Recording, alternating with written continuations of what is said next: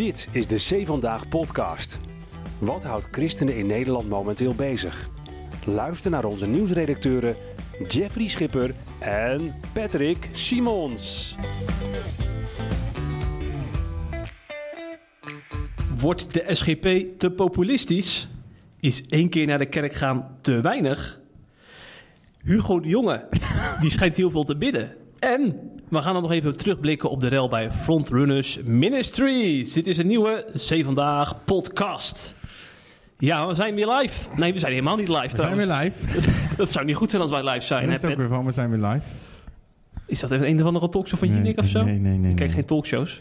Ik denk dat het van de Dik voor elkaar show is van André van der ja, dat was nog eens een goede oude tijd. Dat is prachtig. Ja. Hier ging ik zaterdagochtend speciaal voor luisteren altijd. Hm, hm, hm. Ik heb alleen de pech dat ik al met de verkeerde vrouw ben getrouwd. Ze houdt helemaal niet van cabaretiers. Of je nou komt met Joep van het Hek of met eh, eh, Hans Steeuwen of zo. Ze vindt het helemaal niks. Kan je dan niet kijken als zij aan het afwassen is? Ja, dat is een goede tip. Die ga ik absoluut meenemen. zeg het Pet. alsjeblieft niet tegen hun, want dan krijg ik, krijg ik volgende keer een tik als ik langskom. Ja, ze luisteren mensen de podcast. Oei. Dus je, je gaat het nog wel een keer horen hoor. Shit. Maar we willen eerst natuurlijk beginnen met jouw rubriek. De ergernis van de week.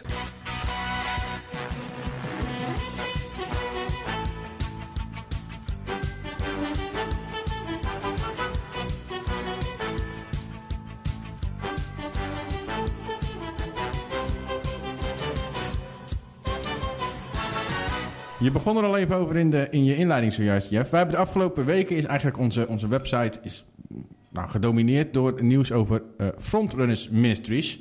Althans, de website werd er niet door gedomineerd, maar wel... ehm, het waren de meest gelezen artikelen dag na dag na dag. We hebben een groot onderzoeksartikel gepubliceerd van freelancer Hendrina de Graaf. En daarna een aantal artikelen, eh, een aantal andere mensen de situatie laten duiden of de organisatie. Ehm, nou, daar gaan we het zo verder over hebben, over het laatste nieuws op dat gebied. Hè. Daar ga jij het een en ander over vertellen. Maar ik wil het in deze ergernis van de week... ehm, wil ik het eigenlijk hebben over mensen waarbij wij als C Vandaag zijnde het werkelijk nooit goed kunnen doen. En dat bedoel ik echt nooit. Eh, wat was namelijk het geval? Na alle artikelen over frontrunners hebben wij ehm, een soort eh, verantwoording geschreven. Hè, waarin we uitleggen ehm, hoe het allemaal is gegaan, waarom we bepaalde keuzes hebben gemaakt, eh, hoe het proces ging rondom die verschillende publicaties over eh, die stichting. En daarin reflecteren we overigens ook gewoon op onze eigen rol en hoe wij dat allemaal hebben aangepakt. Zeker kritisch ook. Dat is niet de eerste keer dat we dat doen. Dat hebben we ook bij andere, eh, eh, eh, eh, nou laten we zeggen, publicaties gedaan die een bepaalde invloed hebben. En waar mensen dus behoorlijk van ja, of boos kunnen worden of juist verdrietig. Eh, bijvoorbeeld het, de, de, alle verhalen die we hebben gemaakt rondom de lezing van Dr. van der Brink. Daar heb jij zo'n heel stuk voor geschreven, kan ik me herinneren. We hebben het ook gedaan eh, enkele jaren geleden toen eh, de directeur van een grote christelijke jongerenorganisatie, kerkelijke jongerenorganisatie, zich schuldig had gemaakt aan seksueel grensoverschrijdend gedrag. Daar hebben we over gepubliceerd. Hebben we ook nog zo'n verantwoordingsartikel gemaakt. Ik kan me herinneren dat wij daar zelfs toen nog een podcast over hebben gemaakt. Speciaal eraan gewijd. Ja. Waarin ik alle kritische vragen die lezers en, en, en mensen en dominees en andere mensen uit die bewuste kerk natuurlijk vaak stelden. Die stelde ik dan aan jou in die podcast en daar heb jij toen antwoord op gegeven. Het was nog in ons oude kantoor. Oh ja, ja, met, dat- met dat lelijke vloerbedekking. Ja, klopt. Verschrikkelijk, blij dat we daar weg zijn. Zeg. maar ik dwaal af. Ehm, dus dat doen we wel vaker. Ehm, maar schijnbaar was het eh, niet voor iedereen opgevallen. Want eh, theoloog Alain Verheij... ehm, voor hem was het schijnbaar nieuw dat wij dit deden. En hij reageerde dus eh, op Twitter. Hij moest er iets over kwijt. En hij schreef, ik citeer... Na al die jaren clickbait shit... krijgen we nu ineens journalistieke verantwoording op SIP. En hij deelde dat bij en schreef dat bij een screenshot van het artikel. Dus geen link. Dat is ook weer zo, zo typisch voor dat soort mensen. Hè. Dan delen ze geen link, maar een screenshot. Want ze willen niet dat mensen via hem eh, op de website terechtkomen. Eh, net zo typisch als dat hij ons bewust SIP blijft noemen. Terwijl hij heel goed weet dat het C vandaag is geworden. Ja. En eh, moet je luisteren, ik vind het allemaal prima. vrijheid van meningsuiting enzovoort. hij mag lekker zelf weten wat hij vindt en zegt. Maar ik irriteer me wel gewoon aan het feit dat we in de ogen van zulke mensen eigenlijk nooit iets goed kunnen doen. Tenzij ze een boek of een column moeten verkopen. Want dan weten ze ons altijd snel en doeltreffend te vinden. En ik zou zeggen, vanaf nu Jeffrey, dat soort mensen mij niet meer bellen. Het laatste nieuws uit christelijk Nederland bespreken we in de C Vandaag podcast.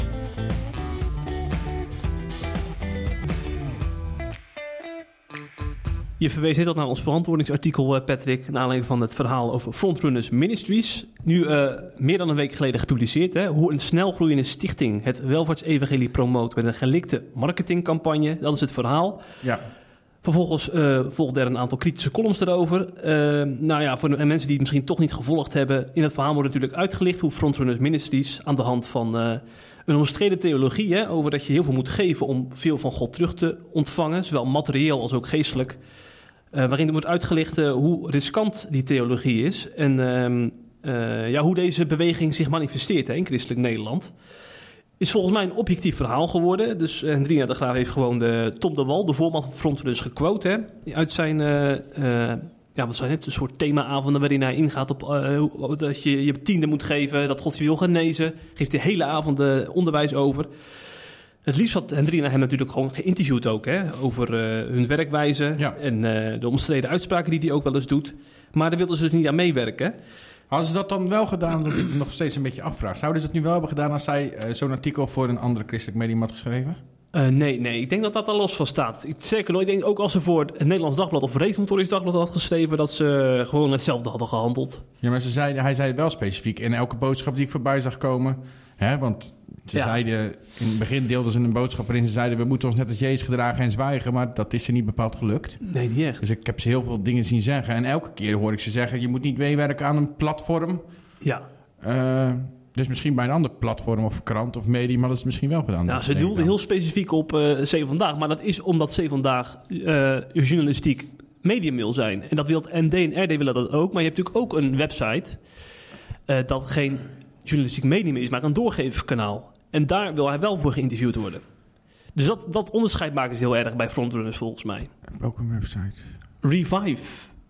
Ah, van ons oud-collega. Ja, precies. Ja. Dus ik denk dat op die manier de keuzes worden gemaakt bij frontrunners... met wie ze wel of niet in zee gaan voor een interview. Ja, dus ze moeten gewoon een propaganda kunnen verspreiden. Ze moeten uh, zonder kritische vragen kunnen vertellen wat ze willen. Ja, daar komt het eigenlijk wel op neer. Nee, dan zouden ze ook niet bij RD en ND terecht kunnen, nee. Nee, nee. Maar goed, uh, neem niet weg dat het artikel veel gelezen is. Hè. Er is wel ook veel op gereageerd, ook op de socials. En ook Frontrunners zelf reageerde hè, op het artikel via een YouTube-video op het kanaal van uh, Ministries. Ging Tom wel uitgebreid, hè, ruim 10 minuten erop in. Ik denk dat hij dat wilde doen om wat misverstanden weg te nemen, hè, in zijn ogen tenminste. Ja, jullie hebben geen gelijk, maar we gaan, wel, we gaan, we gaan het wel aanpassen. Ja. dat is eigenlijk de boodschap, ja, toch? Ja, dan laten we gelijk naar het eerste fragment gaan, over aanpassen gesproken. Uh, daarnaast gaan we dus wel de structuur van de stichting veranderen, omdat we gewoon zien dat de huidige structuur heel veel vragen oproept. Mensen denken dat het illegaal is uh, uh, en het allerlei aannames teweeg brengt. En, dus we gaan het wel veranderen naar een driekoppig bestuur. Um, dus die verandering gaan we de komende tijd inzetten. Um, dus dan weten mensen wel dat dat er aankomt. Maar nogmaals, het is niet wettelijk dat wat we nu doen niet mag of wat dan ook. Maar gewoon dat we zien dat mensen het niet begrijpen. Ja, dat is natuurlijk wel een heel opvallende, hè? Dat je dan inderdaad zegt van uh, uh, wat in dat artikel staat, dat klopt allemaal niet, maar we gaan wel onze bestuursvorm aanpassen. het is een beetje alsof jij tegen mij zegt, Jeffrey, sorry dat ik het onderwerp weer ter sprake breng. Patrick, um, ik ben je vriend, ik wil je iets zeggen. Je bent veel te dik, je leeft ongezond, je moet echt gaan afvallen. En dat ik vervolgens ga zeggen, uh, dat is allemaal lasten, dat is allemaal kwaadsprekerij. Maar ik ga wel drie keer per week sporten nu. dat is hetzelfde ja, verhaal inderdaad. Dat, dat, is toch een beetje... Of ben ik nou gek? Nee, dan zeggen ze, dat ja. doen we door de verwarring die ontstaan is. Want mensen begrijpen het niet. Nou, ik denk dat mensen het juist heel goed begrepen. Hmm. En dat dat juist het probleem was. Ja. Ze benadrukken natuurlijk wel dat het niet illegaal is... Hè, om, om, als één man in het bestuur te zitten en alles te bepalen. Hebben dat mag ook, blijkbaar. Hebben wij ook op onze website ja, gestaan. Dieneke Blijdorp heeft er een column aan Er stond ook volgens mij niet in ons eerste artikel dat nee. het illegaal was. Nee. Maar dat wordt natuurlijk zo geframed, want dan kun je natuurlijk zo'n artikel gelijk uh, belachelijk maken. Ja. ja. Maar ik vind het dan wel inderdaad tekenend als het dus blijkbaar dus wel aanpassen. Ja. Nou, de vraag is wel wat voor mensen erin gaan komen in het bestuur. Hè? Als het gewoon ja-knikkers zijn, heb je ja, gewoon... maar dit, dit, dit, dit, laten we dit nou niet doen. Want dan hm. zijn we, nu zijn we aan het insinueren. Ik vind het goed dat ze, dat okay. ze het aanpassen. Punt. Ja. Nee, dat ben ik met je eens. niet gaan zeggen, nou, vraag, ik snap wat je bedoelt, maar dat moet je, in je, dat moet je niet uiten. Nee, nee. Tot, nee. Totdat er iemand zit. Nee, dan, dan wachten we eerst af uh, wie erin gaan komen. Dat is een goede volgorde. Volgende fragment gaat, uh, gaat er wel in op, uh, ja, waar we het ook net over hadden, hoe ze hun keuzes maken rondom meewerken aan interviews. Nou, dan zeggen sommige mensen, ja, maar waarom vertel je dat dan niet meteen als een journalist daarnaar vraagt? En nou, de reden is, we krijgen behoorlijk veel aanvragen voor interviews. Um, maar als we niet oppassen, zijn we nergens anders mee bezig. En onze hoofdtaak is gewoon het evangelie verkondigen. Mensen toerusten, daar zijn we ontzettend druk mee. Onze dagen zitten bomvol. En onze ervaring uh, is gewoon dat zeker hele technische of hele specifieke vragen. Je hebt helemaal niet de ruimte om dat in een krant of in een artikel weg te zetten. Want het moet allemaal beknopt, mensen moeten het snel lezen. En sommige dingen vragen dus wat meer uitleg, zoals dit soort dingen. En onze ervaring is dan wordt erin geknipt, geplakt en je krijgt er nog veel meer vertekend beeld. Wat mij opviel is dat dus de wal begint over de vele interviewverzoeken die zij ontvangen. Maar ik vraag me dan toch af waar die allemaal vandaan komen. Want het RD en het ND benaderen, Riva, uh, benaderen frontrunners tot op heden niet. Hoe weet je dat? Uh, heb ik nagevraagd bij Hendrina, want die heeft natuurlijk goede contacten bij deze kranten. Die hebben allebei dat niet gedaan. Nee. Wel opvallend trouwens. Vooral Ja. voor het ND vind ik dat opvallend. Ja, ja, die gaan in de toekomst wel een verhaal eraan wijden. Maar ik denk dat ze dan een andere invalshoek gaan kiezen. dat weet zo. je al. Ja, zijn ze wel van plan om er nog eens een keer wat over te Hoe schrijven. weet je dat dan? Ook van Henrina. Ja, ja, ja. En maar buiten de christelijke bubbel heb je natuurlijk ook nog het AD. Hè? Die hebben een artikel gewijd aan het nieuwe gebouw van eh Frontrunners. Dat 8 miljoen euro eh het algemeen, kost. het AD. AD. Algemeen Dagblad. En maar daar wilde Tom de Wal ook niet aan meewerken. Dus ik denk dan, hoe kun je nou druk zijn met interviewverzoeken... als je overal nee tegen zegt en mensen nauwelijks bij je aankloppen? Dus het, ik- eerlijk gezegd denk ik toch een beetje dat het een, een strategie is... Om, eh, om, of een smoesje is om eh, eh, maar geen, verander- geen verantwoording te hoeven afleggen in de, in de media... om zo lekker je eigen gang te gaan. Terwijl ik denk van ja, als je, als je dan, als je dan ehm, ervan overtuigd bent dat je goed bezig bent, dan kun je toch juist een interview eh, eh, doen om, om te laten zien wat je missie is, wat je strategie is. Ja. Wat heb je dan te verbergen, hè, vraag ik me dan af. Ja. Maar En goed, dat- En, dat- ja. en dat over knippen en plakken is ook natuurlijk... Dat, dat gaat ten eerste al over beeld, neem ik aan. ja, ja, en ten want- tweede, ehm, wij in ieder geval, als, als wij interviews... en ook onze freelancers doen dat... ehm, dan krijgen mensen misschien niet het hele artikel... maar in ieder geval hun eigen citaten. Die Ja. krijgen ze altijd te zien voor publicatie. En dan kunnen ze nog over... zelfs wijzigingen aanbrengen. Wij zijn daar heel, heel schappelijk in, vind ik altijd. vind ik ook. Dus, ja. dus dat, ook dat gaat voor ons niet op. En, en volgens mij heeft dat ook een keer een, eh, een eh, journalist van het ND gezegd. Dat ze, eh, hij vindt het opvallend dat je in een digitaal medium, hè, dat wij dus zijn, dat je daarin veel meer ruimte hebt qua columns dan in een krant. Want dan heb je veel beperkter de ruimte. Dat gaat ook voor interviews. Dus juist in een interview voor een digitaal medium als C Vandaag heb je dus de ruimte om dingen toe te lichten. Want we zijn geen krant. Maar goed, eh, Tom de Wal gaat over zijn eigen beleid. Want hij is bestuursvoorzitter, hè, dus daar ga je er zelf over. Ja. En penningmeester Ja. en secretaris. ja. Ja. Laatste fragment. Ehm, en we werken gewoon principieel niet samen met sommige platformen. Omdat wat we nu bij ons zien gebeuren, we dat heel vaak zien gebeuren. Ook bij andere bedieningen. En dat er allerlei roddel, lasten, kritiek eh, ontstaat. En ik geloof gewoon dat dat niet bij Gods Koninkrijk hoort. En dus platformen die daar ruimte voor geven, die daar zelfs op sturen, die willen bewust vaak. Hè, discussies, negatief nieuws trekt meer mensen, trekt meer aandacht, verdienen ze meer geld mee. Dus dat is gewoon iets waar wij principieel niet aan meewerken. En eh, daarom doen we dat niet. Ja, dit hoor ik eigenlijk altijd voorbij komen als charismatische eh, organisaties in het, in, het, in het nieuws zijn in negatieve zin. Dat er dan kritiek zou worden geleverd op het koninkrijk van God en op evangelisten die het blijde nieuws van Jezus verspreiden. Op Maar, mensen van God, op Gods werk. ja, Ja. ja. Ja. maar ik weet niet hoe jij het hebt gelezen, maar ik heb het niet zo Ik zie dat niet alleen bij evangelie. Dat is wel een beetje makkelijk. Dat is niet alleen bij evangelie. Dat zie ik bij reformatorisch ook. Doen die dat ook, Eh, ja? Zeker wel. Kijk eens even je mails terug die je hebt ontvangen... naar aanleiding van de lezing over Van der Brink. Ja, die doen, maar die doen het iets minder straight, iets minder direct. Nou, dan krijg je ook eh, Satans werktak of zoiets dergelijke dingen, toch? Ze bedoelen hetzelfde, dat ben ik met je eens. Ja. Ze precies. bedoelen hetzelfde, ja. Precies. Dus ik denk... eh, ze zullen er geen video over opnemen. Nee. Mm. Maar ik, ik denk dat die... Die neiging is natuurlijk heel snel. En ik snap het ook wel. Want je bent, je bent ervan overtuigd dat je Gods werk doet. Ik geloof trouwens ook echt dat Tom van der Wal... het frontrunners Gods werk doen. En dat er eh, heel veel mensen tot geloof komen. Dat die heel veel goede dingen doen. En dat, die, dat daar Ja. mensen genezen ook daadwerkelijk. Ik geloof in genezing. Het is namelijk heel bijbels. Ehm, alleen voor hen is het of het een of het ander. Dus je gelooft ons zwart-wit en alles wat we zeggen en alles wat we doen. En je bent niet kritisch. Of je vindt ons eh, eh, eh, fout. Nou, Mhm. dat is, dat, zo zwart-wit is het dus niet. En zo zwart-wit maken zij het wel. Ook bij mensen die dan kritisch zijn. Ja. Dus dan ben je gelijk een, een, een, een- iemand die inderdaad niet bij Gods koninkrijk hoort. En dat vind ik inderdaad nogal wat. Ja. Sterker nog, ik zou het liefst zou ik met Frontrunners een partnership aangaan en zeggen van joh, we gaan maandelijks een mooie getuigenis met jullie samen publiceren. Maar dan wil ik wel dat we ook de vrijheid hebben om dit soort verhalen als van die Hendrina te publiceren. Dat Ja. het gewoon samen gaat Ja, inderdaad. nou, dat gaat natuurlijk bij, bij, bij geen enkele organisatie samen. Nee. Daar hebben we in het verleden ook natuurlijk al wel problemen mee gehad, hè? Ja, ja. Maar daarom is bij ons ook, eh, voor de duidelijkheid, eh, eh, het redactionele ge- gebeuren van onze, onze website, onze, ons nieuwsmedium, is heel duidelijk gescheiden van het commerciële gebeuren. Hè. Sterker nog, daar, zijn, daar werken aparte afzonderlijke mensen aan. Wij doen niks, wij twee doen bijvoorbeeld helemaal niks aan commerciële verhalen.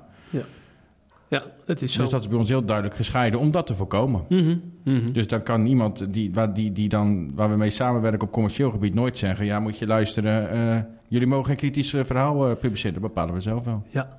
Even los van de inhoud, het viel me er ook trouwens wel op in die video dat Tom de Wal er zo eh, lamlendig bij zat. Als Ja. het een beetje aangeslagen was, ja, hè? ja. Vond je ook niet? Ik kreeg een beetje medelijden. Ja, vond ik trouwens ook niet leuk om te zien, hoor, want het is ook niet helemaal ons doel om... Helemaal niet. Helemaal niet. Nee, om Het dwars te zitten sowieso niet, sowieso niet persoonlijk. Dat, zij hebben het wel heel persoonlijk gemaakt. Vind ik. Ja, want ze hebben ook veel op Facebook gereageerd, hè, richting ons. Ja, maar het ging over Frontrunners Ministries, waar hij volman van is. Dus over de volman van, niet over Tom van der Wal als persoon. Eh, en wij hebben ook nooit dingen gezegd als dat ze niet van God zijn of zo, weet je wel. Dat- Nee. Nee. Ja, Dus ik vond het ook wel een beetje aangeslagen indruk. Daarom is het ook goed dat we, denk ik, eh, eh, dat verantwoordingsartikel hebben geschreven... waarin we uitleggen waarom we bepaalde keuzes hebben gemaakt... en dat daarmee ook de kous af is. Tenzij er natuurlijk nieuwe feiten boven water komen, dat kan altijd. Maar Ja. dat geldt voor alles en iedereen. Daar zijn we namelijk een nieuwsmedium voor. zo is dat. We gaan naar het snelle nieuws. Te beginnen bij Politiek Den Haag. Ja, laten we het een keer over SGP hebben, Jeffrey. Want ik heb het wel regelmatig over de ChristenUnie natuurlijk. Dus ik dacht, laat ik... eh, of nou, ik dacht, dat, dat is niet waar. Er was aanleiding voor. Ik hoor namelijk geluiden de laatste tijd... dat de SGP steeds meer de populistische kant op gaat. Een term waar jij wel van houdt, geloof ik. Ehm, en er is een recente gebeurtenis die inderdaad lijkt te bevestigen... eh, dat dat het geval is. Wat wil namelijk het geval? Al wekenlang ehm proberen de oppositiepartijen, dat zijn alle partijen die niet in de regering zitten, ehm, die willen een plenair debat, dat is een debat in de grote zaal van de Tweede Kamer, die willen een plenair debat organiseren over eh, eh, het MKB. Dat zijn midden-kleinbedrijven. Die zijn aan bakkers, slagers, snackbaren, be- tuiniers. Ehm, die staan namelijk al geruime tijd behoorlijk onder druk. Dat begon bij veel bedrijven al tijdens de coronacrisis, hè, dat ze verlies draaiden en zelfs al failliet gingen. Nou, daar kwam een energiecrisis overheen, waarbij de, de, de prijzen, energieprijzen, nou, de dak, eh, dak, eh, het dak uitrezen. De pan De uitreizen. pan uitreizen. Voor een bakker is dat wel een goede woordspeling.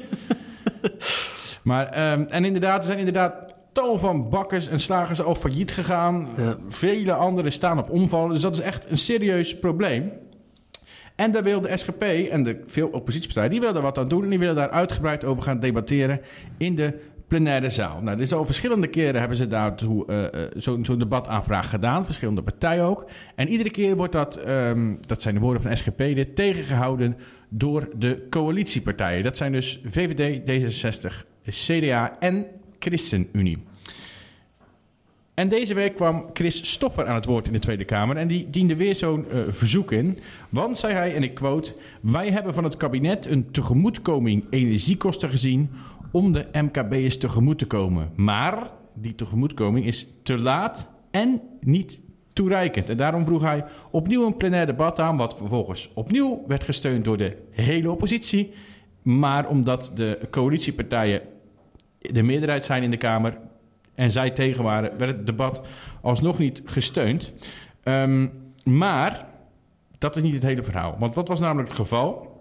Er was al een voorstel om, eh, het, eh, eh, om het onderwerp toe te voegen aan een commissiedebat... wat volgens mij donderdag plaats gaat vinden. Dat was namelijk een commissiedebat over eh, energieplafond. Dus dat heeft natuurlijk over het energieplafond wat is ingesteld... dat heeft natuurlijk heel veel... Dat, het verlengde daarvan eigenlijk, de problemen bij MKB.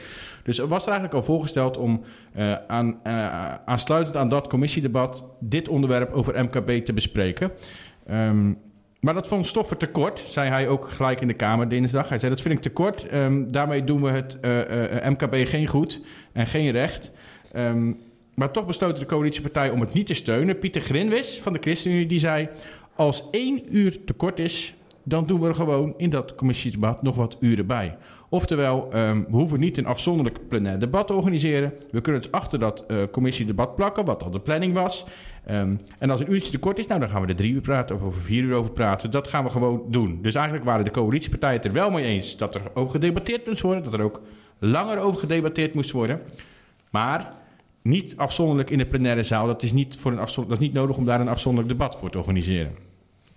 Nou, vervolgens ging eh, eh, ehm, SGP en ook eh, eh, Stoffer, die gingen daar heel veel nou, stemming over maken, laat ik het zo zeggen. Ehm, er werd een filmpje gepost op social media met als titel... En weer blokkeert de coalitie MKB-debat.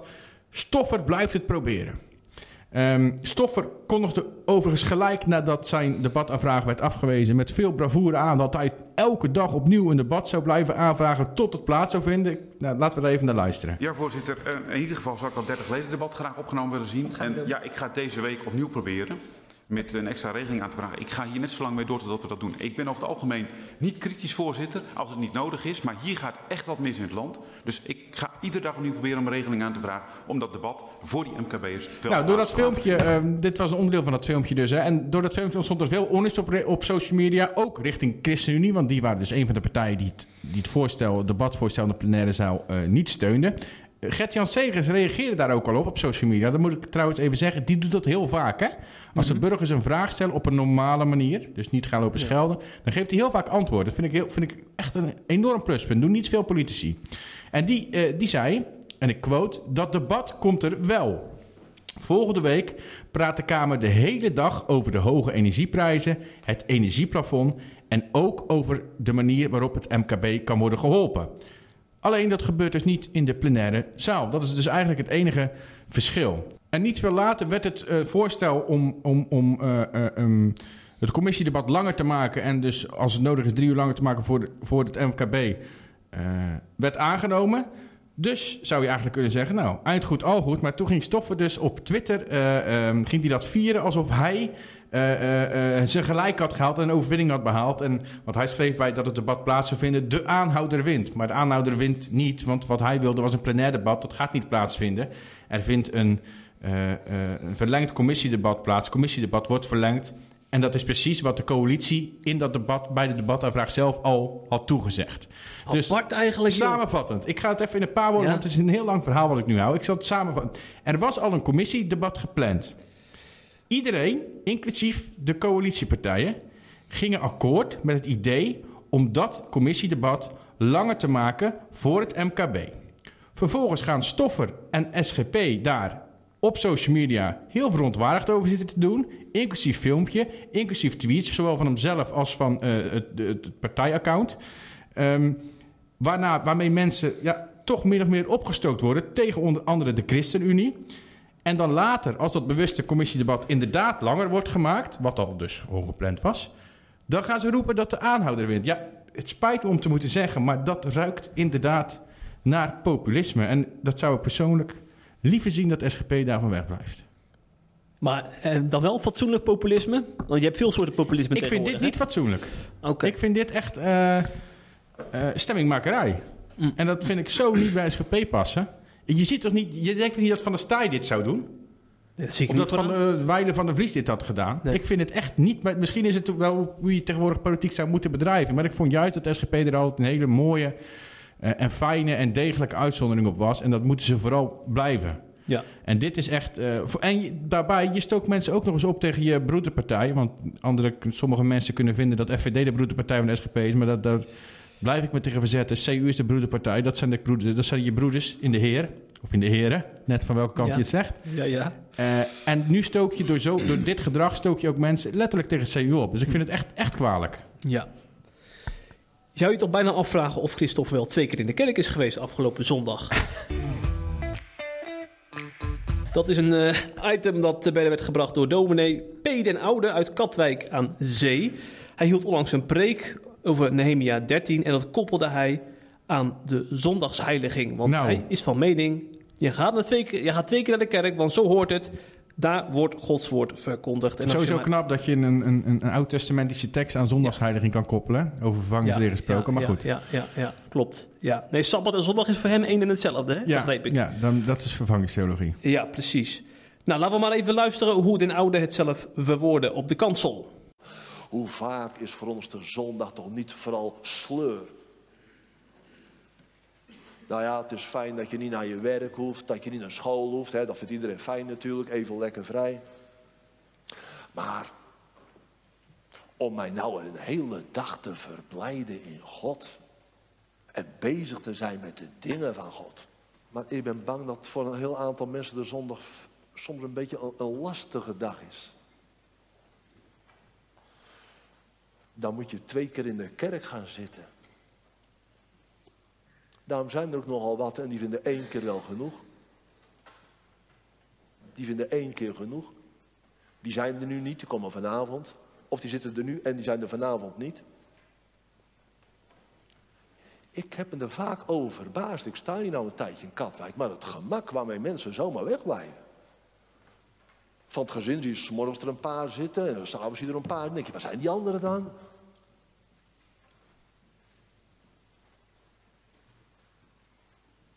Voor een loopneus blijven mensen thuis. Op categorisatie vroeg ik een keer jongen, joh, ik, ik zag je gisteravond niet, zondag. Nee, eh, ik hoef van mijn vader en moeder maar één keer naar de kerk. Dat is 14 jaar.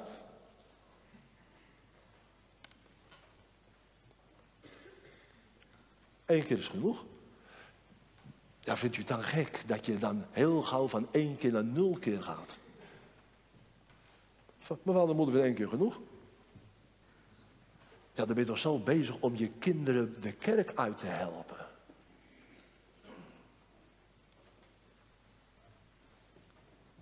In mijn jeugd, zoals ik opgevoed ben, en toch wel heel veel mag ik hopen.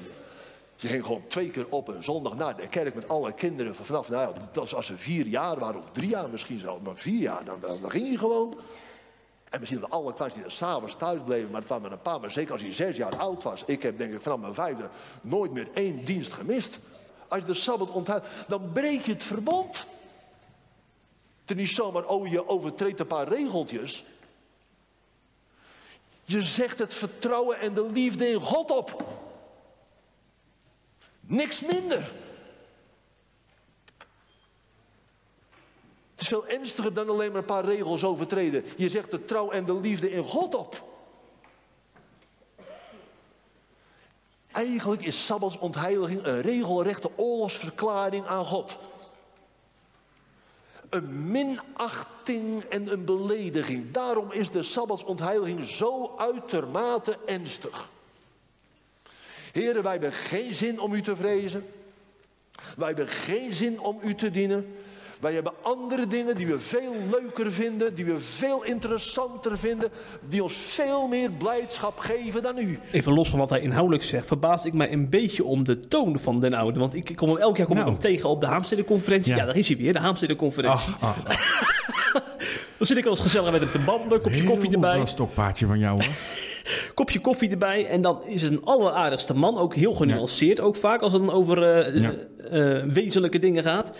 Maar dan hoor ik hem daar op de kans op behoorlijk tekeer gaan. Ja. Een regelrechte oorlogsverklaring aan God. Dan denk ik van, dat zijn toch ook populistische termen op ja, een kansel. ja. Nou denk ik dat je ook wel onderscheid moet maken tegen hoe iemand, eh, hoe een predikant is als je met hem praat of zijn preekstijl. Ehm, volgens mij is zijn preekstijl ook wel een beetje zo. Ja, daar kom ik dus nu voor het eerst achter. Ik heb nog nooit een preek van hem gehoord. af en toe ook van die hele harde brullen geven. Oké, oké. Nou, ik Ja. niet zo van eerlijk gezegd. Ja, ja goed, ik, dat is persoonlijk. Misschien, Nina zei ook wel, waar maak je je druk om? Maar je ben- vrouw, je vrouw. Ja. ik ben heel erg van, zoals je zeg maar in het echte leven bent, zo ben je ook gewoon op zondag. Maar dat is ja, blijkbaar niet altijd eh, nee, nee, dat, de gewoonte. Sterker nog, dat is, het is eerder andersom. Ja. Het is eerder gewoonte om anders te zijn dan... eh je weet toch nog wel eens dat wij een keer op vakantie waren met, met twee vrienden... en dat we in een, in een kerk terechtkwamen. Wat was het? Oudgemeerde gemeente of zo? Ja, ja, ja, ja. In Rijs of Holte. En daar, Holte. en daar ging een ouderling, die ging dan... Die dominee viel nog wel mee, maar daar, Ja. ging, een, daar ging een ouderling... Die ging, een daar, stem op. die ging daar de schriftlezing doen. Ja, ja. Jij, viel, jij viel bijna uit de bank. Ik, ik dacht, die maakt een grap. Ik dacht, die gaat die doet Die ging echt... Die zette Ja. een stem op. Dat was... Nou... Ik dacht, die speelde een typetje na, ja, dacht ik. Ja, maar kon dat was je, ja, Ja. kon je, die, die had een Oscar gewonnen, hoor. Ja, ja, ja. Maar dat, ja, dus, en, en ook gewoon, dat, ook, dat, dit is natuurlijk een extreem voorbeeld, maar als je ook eh, echt in heel veel reformatorische kerken is het gewoon zo dat predikanten, zodra ze preekstoel opklimmen, toch een soort van eh, andere, andere, ja, andere stem gaan opzetten of, of een andere toon gaan gebruiken. Of een, Hm, hm. Het heeft met je preekstijl te maken. Misschien is het ook wel een beetje aangeleerd. Ik weet het eigenlijk niet zo goed. Hm. Ik, ik luister heel erg naar dominees die dat niet hebben. Ehm, in, in Toden was, het, was er maandag een, hervorm, een, een, een, een herdenking van de hervorming. Het was hervormingsdag natuurlijk. Ja. En daar ging ehm, Van Middelkoop voor. Oh ja, herstel de een predikant. Ja, uit ja. Sint-Annaland. Ja, precies. Ja, maar dat wordt dan met, eigenlijk met het hele eiland gevierd. En Mm. elk jaar... Overigens, dan kan er ineens wel eenheid zijn. Ja, Vreemd, ja, hè? op 31 oktober wel. ja, Herstel, herstel de kerk, eh Gergem, eh, CGK, hervormd. Kan ineens allemaal bij elkaar dan. Jammer dat het alleen die Dominee. Belder had een goede column erover. Ja, ja, die kan je lezen. Wel een... Staat wel ja betaalmuur. premium artikeltje. Ja. Ja. Maar die, die, die heeft dat dus niet. Die praat dus alsof hij gewoon, als hij op een preekstoel staat, praat hij gewoon alsof hij nu tegenover Ja, je zit. dat is, van. Ja, maar dat is heel, dat Ja. is heel voor mij, misschien verschilt het per persoon. En voor mij is dat heel fijn Hm. om naar te luisteren, omdat ik daar niet dat, dat bij die andere stijl krijg ik een beetje dat hiërarchische Ja. eh, eh, gevoel, weet je wel. Van ik ga jou van bovenop die preekstoel met, met, met mijn afzonderlijk buitengewone stem even vertellen hoe alles in elkaar zit en hoe het moet. En dat, dat, ja, daar ben ik een beetje allergisch voor. Misschien is dat onze generatie ook. Dat zou kunnen. Ja. Ja. maar ik hou wel van die mensen die gewoon op een preekstoel en normaal praten en dan gaan uitleggen hoe, eh, eh, hoe ze naar dingen kijken en hoe- wat er bedoeld wordt Ja. in de Bijbel. Ik vond het wel interessant om te, om te zien hoe dat nou valt bij onze lezers. Hè? Want we hebben natuurlijk ook wel een behoorlijk eh, kritische achterban. Eh, maar ik vind... Ja, dat is, Ja. soms is dat vervelend, maar soms is het ook fijn. Want dan zie je tenminste hoe, dat hoe een zoiets understatement, een understatement dit wel. Ja. Een behoorlijk kritische mooi. achterban. Ja. Ik begin met Ar Zoutewelle. Hij schrijft het volgende. Misschien heeft de richting van de dienst er ook mee te maken. De vreugde van het dienen van God is er soms ver te zoeken.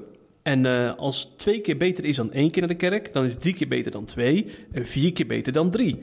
Nergens verder op de wereld is er een tweede dienst op een enkele plaats na. Stof tot overdenken, zegt eh, de heer Zoutewelle.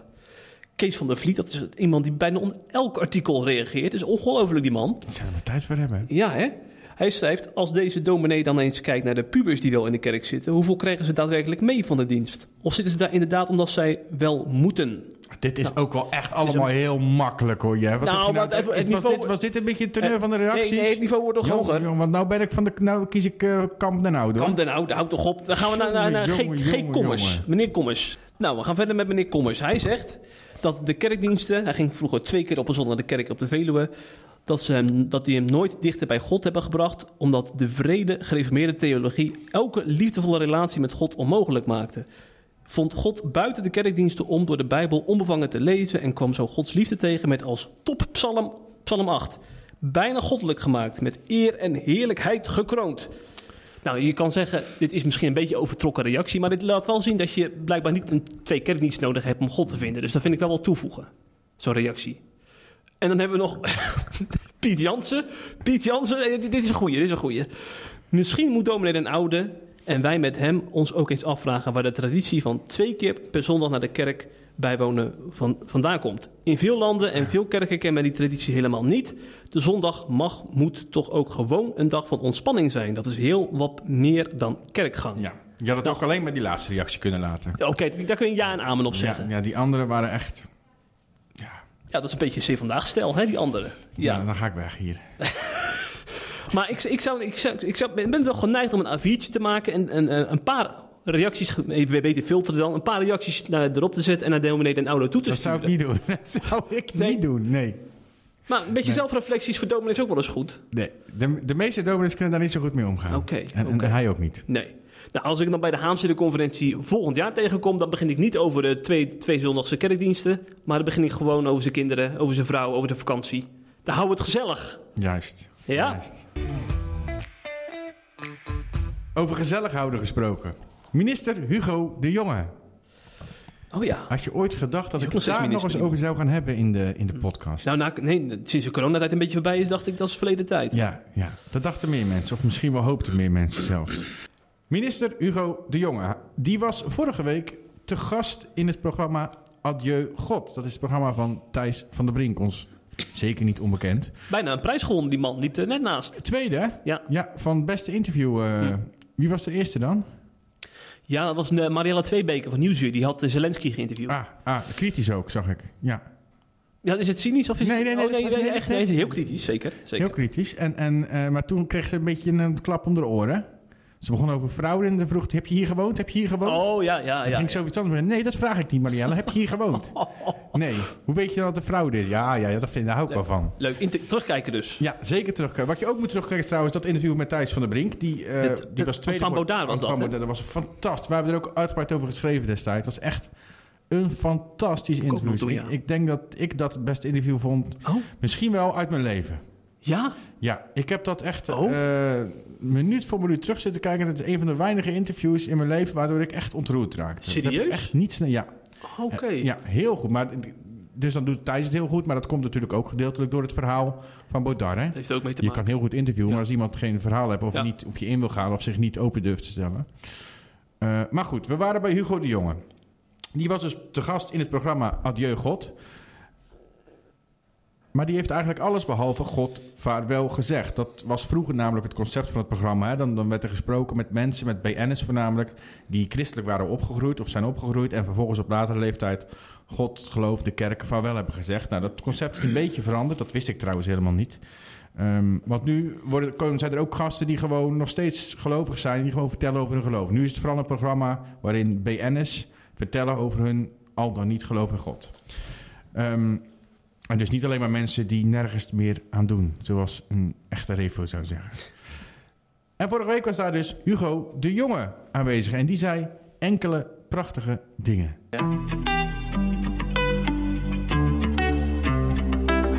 Je twijfelt nooit, is er wel iets hier buiten? Nee. Nee. Echt niet, hè? Nee. Nee. Nee, sterker, ik- sterker nog, ik vind het omgedraaid. Zou ik, het- zou ik het best moeilijk vinden om eh, te denken dat dit alles er zo is. eh, als er geen, geen scheppende God aan ten grondslag Ja. had gelegen. Dat, Ja. dat is onmogelijk voor te stellen. Ja? Ja. Nou ja, er zijn heel veel mensen die kunnen zich dat prima voorstellen. die zeggen, ja, maar- het is... ik niet. Nee, nee, het is toeval, zeggen ze dan. Dat we hier zijn en dat we hier zitten. Ja. Maar ik heb ook wel eens iemand horen zeggen dat het hetzelfde toeval is dat er een Boeing over een vuilnisbelt raast, zeg maar. En dat er dan een gebouw uit naar voren komt. Ja. Dat, dat, dat Door dat razen. Ja, dat, dat, dat bestaat niet. Dat, Nee. dat is een, daar zitten te veel toevalligheden zitten daartussen. Ja, jij, hebt, jij hebt echt aanwijzingen dat God bestaat. Aanwijzingen. Ik, eh, het, het is, ik vind het moeilijk voorstelbaar dat die niet zou bestaan. Ja. Dat is het. Ja. Het is eigenlijk meer het is een soort een vast gevoel van vertrouwen. Ja. Een soort basisgevoel van vertrouwen. En, en eh, ja, dat er een God is die je ziet, die, die naar je omkijkt en, en die bij je is eh, op het moment dat je, dat je het op eigen kracht niet redt.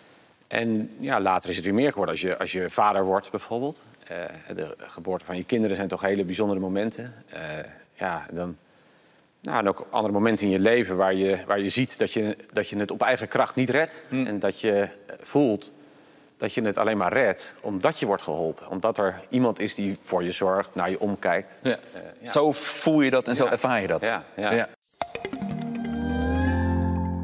Nu is de jongen natuurlijk, eh, dat weten we allemaal, niet de meest geliefde bewindspersoon van het kabinet.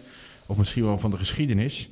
Eh, hij is, op dit moment is hij eh, minister voor Volkshuisvesting en Ruimtelijke Ordening. Veel succes. want Huisjes van- bouwen. Veel succes, want er is vandaag een uitspraak geweest dat er niet zoveel huisjes meer gebouwd mogen worden. Johan Vollebroek heeft weer eens wat gewonnen, maar dat, dat, laten we dat even laten liggen.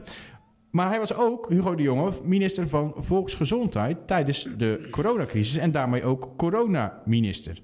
Ehm en nu hij dus te gast was bij Thijs van der Brink, had ik wel wat kritiek verwacht, ook uit christelijke hoek. Maar ik moet eerlijk zeggen dat ik die kritiek vooral verwacht had uit, eh, als het om christenen gaat dan, uit de hoek van christelijke complotdenkers of ehm, christenen die met complotten flirten. Hè. Zeg maar de Max van de Bees van de wereld. Dat was die man die met een kaag voor het huis, of De fakkeldrager. met een kaag voor het huis van Fakkel stond te zwaaien. Ja. met, een, met een fakkel voor het eh, huis van Sigrid Kaag stond te zwaaien. Ehm, dus dat had ik wel verwacht. Maar ik schrok heel erg. ehm, omdat ik ook heel veel in mijn ogen toch redelijke christenen... en daarmee bedoel ik christenen die in mijn ogen toch redelijk normaal zijn...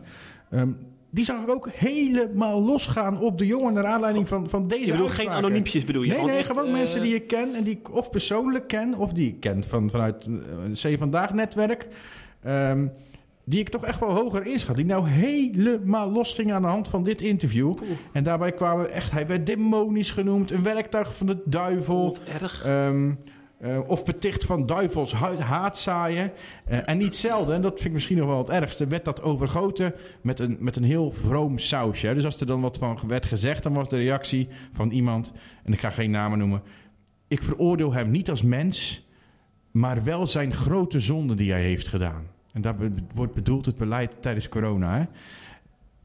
Ja, je veroordeelt hem dus wel degelijk als mens door zo over iemand te praten. Laten we heel eerlijk zijn. En duidelijk. sterker hè? nog, ehm, om onze beeldspraak te gebruiken die we laatst het vaker gebruiken. Je zet iemand gewoon op een digitaal tempelplein en je gooit flinke, hele flinke stenen naar hem. En je nodigt iedereen die jou op social media eh, volgen eigenlijk uit om ook een steen op te pakken en mee te gaan gooien. En dat is nogal wat. Ik zou willen oproepen en willen zeggen: kijk er nou alsjeblieft mee uit om mensen op die manier openbaar, publiekelijk zo hard aan te vallen op het geloof. En met woorden als duivel en hel en Satan. Ehm, en laten we wat zachtmoediger worden. Want als we heel eerlijk zijn, we hebben zoveel meer de houding van Jezus nodig. In plaats van de harde, veroordelende, alomwetende houding die we zo snel geneigd zijn om aan te nemen. Ik zelf voorop, laat ik heel eerlijk zijn. Ehm, en ik zou zeggen, dan maar een loser in de ogen van eh Thierry Baudet. Eh, en dan maar een slap christendom, zoals hij dat noemt. Want als we zwak zijn, Jeffrey, dan zijn we machtig. En niet als we vooraan staan om te oordelen en om stenen te gooien. Oh, en, en eh, wees ook eens dankbaar, om dat wil ik nog even toevoegen. Ja, Ehm, dat we zulke hooggeplaatste mensen hebben in Nederland. die in de God van de Bijbel geloven. die zeggen elke dag te bidden. en die naar de kerk gaan. Want hij is dan niet de enige. Hè? Premier Rutte heeft zich er ook al over uitgelaten. Zelfs Sigrid Kaag heeft zich er wel eens over uitgelaten. die alles en iedereen. eh, zo'n beetje iedereen die het land bestuurt, zeg maar. eh. Precies. Dus, dus laten we daar ook vooral dankbaar voor zijn. Hè? En dat staat, wat mij betreft, staat het volledig los van het regeringsbeleid. Want ik Ja. ben het daar ook helemaal niet mee eens. Ook niet met hoe het in corona gegaan is. Jij ook niet, hè? Wij zijn er heel kritisch over. Maar dat betekent toch niet dat je zo'n man eh, de duivel moet gaan noemen. Terwijl hij vertelt dat hij elke dag bidt. En dat hij ook dat hij bijvoorbeeld bidt voor zijn kinderen. Dat hij, nou, we hebben het net gehoord. Ehm, tot slot. En dan wil ik het onderwerp wel afsluiten eigenlijk. Eh Thijs van der Brink die zag die reacties natuurlijk ook allemaal. En die heeft er vervolgens een column over geschreven. Ehm, ik zou zeggen, zoek hem even op op de EO-website, EO-visie-website. Dat is een absolute aanrader, een zeer lezenswaardige column. Ehm, en ik zou eigenlijk dit item willen afsluiten met de laatste woorden van die column. Ehm Thijs van der Brink schreef namelijk... De normale omgangsvormen op social media zijn zoek. Een oplossing heb ik niet. Een oproep heb ik wel. Doe normaal, mensen. Doe normaal. Er zijn mensen die het ook tegen de Marokkaanse gemeenschap zeggen, hè? Dat ze nog wel eens af en toe over de scheef gaan. Oh, minder bedoel je? Ja, ja, ja, ja. Ja. Geert Maar- Wilders heb je het nu over. Geert Wilders, ja, die zou dat tegen hen wel zeggen. En we gaan even op die Marokkanen Hoe kom je nou inzoomen. toch bij Marokkanen bij? Hoe kom je nou ineens weer bij Marokkanen? Ja, maar ja, dat, dat verbaasde mij. Dus ik las vorige week een jij, artikel op denkt, jij denkt, laten we het even divers maken, deze Ja, podcast. zeker, zeker, zeker. Ik las vorige Ja, week een namelijk- artikel op Zee Vandaag over een tour met Marokkaanse christenen. Dat is natuurlijk, dan gaat het altijd een beetje spoken in mijn hoofd. Van, eh, want ik, in, mijn, in mijn hoofd zijn alle Marokkanen moslim. Dus natuurlijk helemaal niet zo. ik wist, Ja. ik, nou, maar ik wist niet dat dat is wel een hele kleine minderheid Ja, is. het is heel klein, heel, Heel klein. klein. Maar, maar dat ze van ze laten horen, dat is wel echt, vind ik wel nieuw. Want vaak is het een beetje op de, onder, eh, onder de radar. Ja, Dat moet ook wel natuurlijk, voor hun veiligheid. Ja. Eh, maar onze collega Geerten heeft een prachtig verhaal gemaakt met drie Marokkaanse christenen. Met naam en toenaam mooie foto erboven. Omdat zij gaan toeren om christenen aan te moedigen om ook het evangelie onder de Marokkaanse gemeenschap, eh, in de Marokkaanse gemeenschap te verkondigen. Eh, zij stellen dat ja, het eigenlijk een vergeten groep is. Daar komt het wel op neer. Eh, directeur, directeur Kees Rentier van Evangelie en Moslims werd ook eh, in het eh, artikel aan het woord gelaten. Evangelie en Moslims gaat dus die tour organiseren en ook een inspiratiedag binnenkort hierover. Hij zegt in het interview: Over Marokkanen zijn er veel vooroordelen en in onze ervaring denken er weinig christenen. Mijn Marokkaanse collega neem ik mee naar de kerk. Terwijl asielzoekers massaal worden uitgenodigd. En dat is ook zo, want ik heb in een kerk gezeten in Kanaaleiland in Utrecht. Nou, asielzoekers die stroomden binnen daar in die kerk. je tuin ook, Afghanen. hè? Je tuin stroomt dus ook binnen, hè? Met die brommer toen. Met scooters, ja. Ja, zo, zo. Dat was wat, toen kwam jij logeren. Ja, zal ook eens een keer bij jou Kom slapen. opeens een brommer door de tuin rijden. is een brommer op me afrijden. dat was wat. Man, man, nee, die man, ging niet naar de man, kerk, die man, kan ik je vertellen, Nee, die nacht. Nee. Maar de, de asielzoekers die kwamen maar naar onze kerk achter elkaar heel mooi. Syriërs, eh, Afghanen, Iraniërs. Maar alle Marokkanen en Turken, Ja, die zag, die zag je niet. Dat was een hele andere groep. Veel minder openheid ook voor het evangelie. Maar die werden volgens mij ook gewoon niet uitgenodigd. En ik vind het heel mooi dat dan drie Marokkaanse christenen in dat interview vertellen hoe belangrijk zij het vinden hè, dat christenen contact leggen met deze groep. Omdat zij zelf hebben ervaren hoe belangrijk dat is. Want daardoor zijn zij op het spoor van Jezus gekomen. Ik werd ook even stil van een quote van Nabil, een van die drie Marokkaanse christenen. Hij eh, zei ehm, dat niemand hem iets vroeg, hè? Eh, als hij dan in contact kwa- kwam met christenen. Hij is op een andere manier eh, in contact met Jezus gekomen, niet via christenen. En hij zegt eigenlijk van dat had niet zo gemoeten. Juist als je christen bent en je kent mij als Marokkaan, dan hoor je eigenlijk mij over het evangelie te vertellen. Want je hebt gewoon de mooiste boodschap die er is. En wij geloven dat ook allemaal wel. En dan steek ik even de hand in eigen boezem. Ik ben gewoon een laffe christen die het niet uitvoert. Ik heb zes jaar in Kanaaleiland gewoond. Ik ben in mijn eigen bubbel gaan zitten. Ik heb nooit een Marokkaan aangesproken. Zei je nou, ik ben een laffe christen? Ja? Laten we dan deze podcast nu af gaan sluiten. Ja, dat vind je Dit wel leuk, hè? tot volgende week. Ja, dat vind je wel een leuke afsluiting natuurlijk. Maar nee hoor, ik ben meer dan overwinnaar, Patrick. Niet zo hard schreeuwen, dadelijk valt onze hardlopende dominee de sloot Oh ja. Heeft nog een mailtje gestuurd, hè, onze Ja. vriend. Ja. Ja. Leuk, ik moet er nog even op reageren. Maar Oh, dat heb je nog niet eens gedaan. Kijk, je bent inderdaad een lafaard. Maar toen dacht ik, toen ik over mezelf nadacht, eigenlijk zijn de Marokkanen van nu de Samaritanen, de, huid, de Samaritanen van de 21ste eeuw. Weet je wel, die Joden die met een grote boog om de Samaritanen heen liepen, dat doen wij nu met de Marokkanen. Oh, we hebben ah, allemaal, voor, op, nee, we hebben allemaal Oh. vooroordelen over Heel hen. goed, Rico, heel goed. Allemaal vooroordelen, die projecteren we op de Marokkaanse gemeenschap. Maar volgens mij moeten we die van, van ons afschudden en gewoon eens lekker thee drinken met z'n in het theehuis. Ja hoor, daar moeten we eens mee beginnen. Succes. In IJsselstein lopen er ook een aantal rond waar ik, waar ik nu tegenwoordig, Ja, nou, tegenwoordig woon. Doe het wel in je vakantie, anders moet ik dadelijk een weekje dingen overnemen als je met twee blauwe ogen in het Ja, ziekenhuis dat denk jij natuurlijk weer aan. Nee, ik, het is gewoon wel gewoon... Dit, verhaal is trouwens overigens een heel mooi verhaal. Ja. Even vertellen, want het lijkt nou net alsof ik een half Ja. racist ben. Ehm, nou, dit, is, dit is een heel mooi verhaal, maar het is gewoon wel zo dat je echt wel gewoon bij, denk 90% van Marokkanen eh, en ook Turken echt geen ingang hebt met het christelijk geloof. hoor. Daar moeten ze weinig van hebben. Tuurlijk, dat is ook algemeen bekend. En ook zelfs agressief worden. Ik heb wel eens met Marokkanen erover gesproken trouwens. En dat, dat nou, die, nou, agressief is gewoon niet waar, maar ehm, die moeten gewoon eh, niks hebben van het. Zodra je begint dat God een zoon heeft, dat is, dan stopt het. Ja, maar de vraag is of je daar al mee moet beginnen. Hè? Als je nou gewoon de eerste drie jaar, de eerste drie jaar gewoon lekker koffie gaat drinken. Waarom zou je het over Jezus hebben, Jeffrey? Dan moet je niet zo cynisch gaan lopen doen. Ja, wat is dit nou? Nee, maar er zijn Je- genoeg je, voorbeelden. Je zegt nou dat je drie jaar lang met iemand wil praten. Je hebt het over evangeliseren. Eh, Nou, en- leggen. en- nee, je zegt ik ben, ik ben een laffe christen die niet evangeliseert, zeg je net. Ja, maar volgens mij is, Ja. is gewoon een koffiegesprek is ook Dus jij wil drie jaar lang wil jij met iemand thee gaan drinken zonder het over Jezus te hebben. Nou, ik nou vind toch. wel dat je een goede moment moet afwachten. Kom nou toch. Jawel, je moet wel het goede moment afwachten. Ja, met je armen Ja. over elkaar. Nee, maar kijk, even een voorbeeldje. Je Stel, je, je zit op school bij... Met, je, je kinderen zitten op school bij mensen die ook Mar Marokkaans zijn. Je kinderen gaan met die Marokkaanse kinderen om. Ja. Je gaat eh, naar kinderverjaardagen met elkaar en zo. Nou, dan ben je, soms ben je gewoon drie Oh, jaar verder. zeker, maar dan drie kom jaar je- verder oh, voordat je maar- bij de inhoud komt. Oh, maar dan wel. Dan kom je iemand in het dagelijks leven tegen en dan eh, kan je gewoon door, door te laten zien hoe je leeft en hoe je doet en hoe je mensen omgaan. Daar, maar daar ging het niet over. Het ging over actief evangeliseren, toch? Ja, nee, dat was niet helemaal mijn insteek. Oh, dan heb ik het verkeerd Dat is niet begrepen. helemaal mijn insteek, Of nee. je hebt het verkeerd uitgelegd, bedoel ik. Oh, dat zal het laatste wel weer zijn natuurlijk. Ja, ja, dat denk ik ook. Ja, ja. Nee, Ja, maar we ik zijn toch... Ja, nee, maar ik, ik dacht meer... Ja, nee, oké. Ja, evangelie en moslims legt ook wel een nadruk hoor op evangelisatie onder moslims. Maar ook op, eh, op gewoon in het dagelijks leven eh, ingang vinden bij mensen. Het Bij hen begint, sluit het een het ander niet uit. het begint vooral met een... eh, met een vriendelijk en levend mensen zijn, inderdaad. Daar ben ik het toch wel mee eens. Ik denk dat op die manier dat je ook Ja. mensen als Nabil en eh, die mensen die in het artikel naar voren komen, dat je die Ja. daar ook bereikt. Ja. Ik heb daar een keer iemand over geïnterviewd. Die, die, die ging, kwam heel veel in de moslimwereld, een evangelist. Mhm. En die vertelde dat dus moslims, ehm, zowel de moslims daar in, in, in die in Oosterse landen gaan, of de Oosterse landen, Ja. ik zeg Oosterse landen, maar dat bedoel ik niet. eh, Midden-Oosten. Mhm. Ehm, die moslims daar waren niet alleen veel gastvrijer, maar ook de moslims die jij hier kent zijn veel gastvrijer. Ik noem niet een voorbeeld. Als ik, daar, als ik Oh, ja. daar hier bij moslims die ik hier in Nederland ken op bezoek kom, ik kom gewoon niet weg zonder te eten. Ze gaan er gewoon van uit dat je Ja. blijft eten. En als je bij Nederlanders op bezoek gaat, nou ja, dan mag je om acht uur komen voor een bakje koffie. En als je om vier uur komt voor een bakje koffie, dan word je om vijf uur weggekeken, want de aardappels moeten gekookt worden, weet je wel? Ja, ja, ja. Ehm, ook christenen.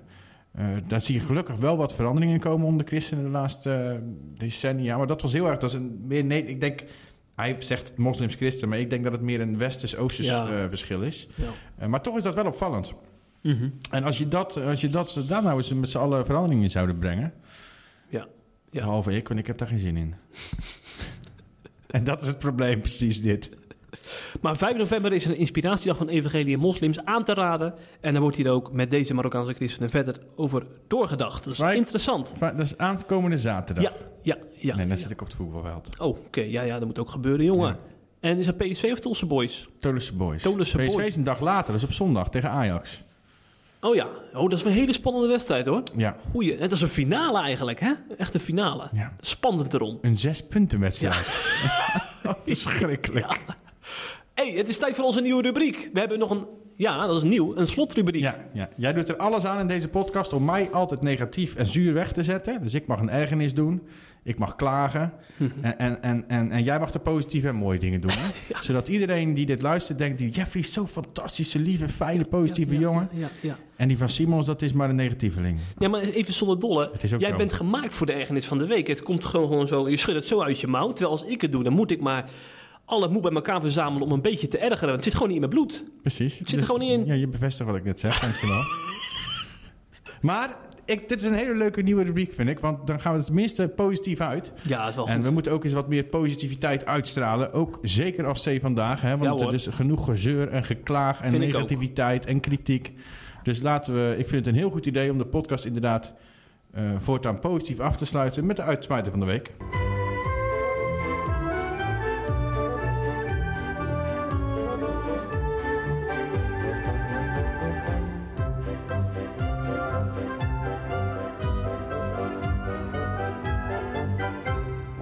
Ja, de uitsmijter van de week die is gebaseerd op het verhaal van Bert en Christa Notenboom. Dat zijn eh, twee enthousiaste christenen uit Almere. Notenboom is daar eh, 16 jaar lang wijkpastor geweest.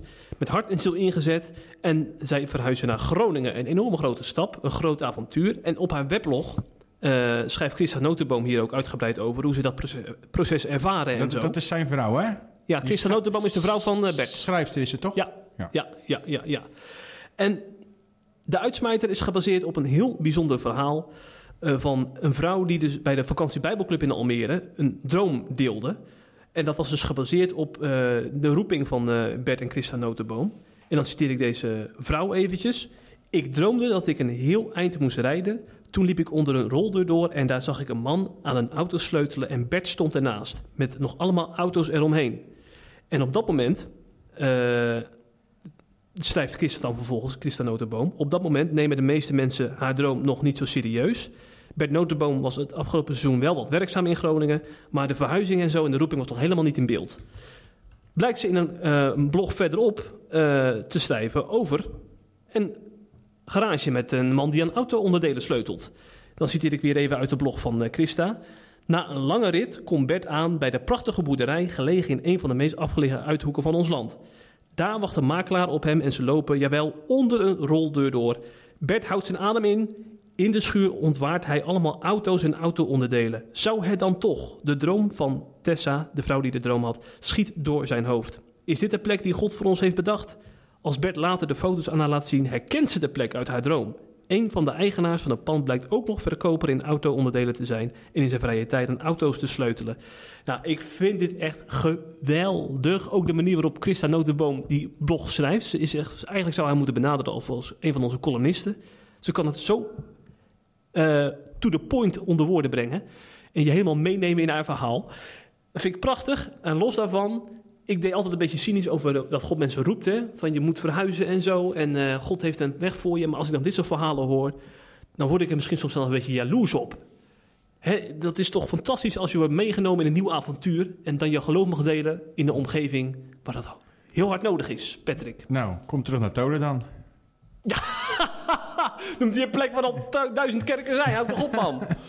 Wat ik daar nou weer te zoeken? Soms is op de plek waar veel kerken zijn, zijn de hardste Oh ja, nodig. ja jij, jij, jij, jij citeert een aantal mensen die, eh, die in de Bijbelbelt kerken zijn begonnen. Ja, leuk. Hey, maar Pet, ik, zie, ik vond het een leuke podcast, moet ik zeggen. Ik weet niet waarom, Ja. maar deze vibe moeten we vasthouden, wat mij betreft. ja. En volgende week hebben we een podcast met theoloog Wim Dekker in Oosterwolde. Die schrijft ook af en toe aan, hè? Oh, je gaat een vriend van de show. volgende week. Kan ik weer eh, Gaan we lekker op pad. alles alleen gaan doen? Alles alleen gaan doen ook. dus we gaan kijken. Ik hoop dat er wel een beetje wat boeiends is. Want ik vind het kerkelijk nieuws wel een beetje karig. Ja, vandaag, dat dacht ik vandaag vooraf ook. Maar toch hebben we wel een leuke wat. Ja. ja, misschien is het juist, juist daarom een leuke, on- eh, leuke podcast geworden. Omdat we ehm, niet allemaal van die hele zwaar beladen onderwerpen Ja, het maar gewoon lekker eh, wat luchtige Alle, onderwerpen. alledaagser. Ja, Ja. ja. Nou, leuk om dat ook misschien met Wim Dekker dan volgende week te doen. En ik, zou, eh, ik eh, hoop dat de luisteraars er dan weer bij zijn. Ook onze hardlopende dominee. Ja. En ook onze SGP-fans, want die zijn misschien boos nu. Ja, maar de SGP-fans kunnen wel tegen kritiek, toch? Ik hoop het. Ja, dat hoop ik ook. Ja, en anders is het een lesje. Ja, Een genadetraining. zo is het. Tot volgende week. Doei. Hopelijk heb je genoten van deze C Vandaag podcast. Volgende week is er weer een nieuwe aflevering. En blijf via cvandaag.nl op de hoogte van het laatste nieuws uit Christelijk Nederland.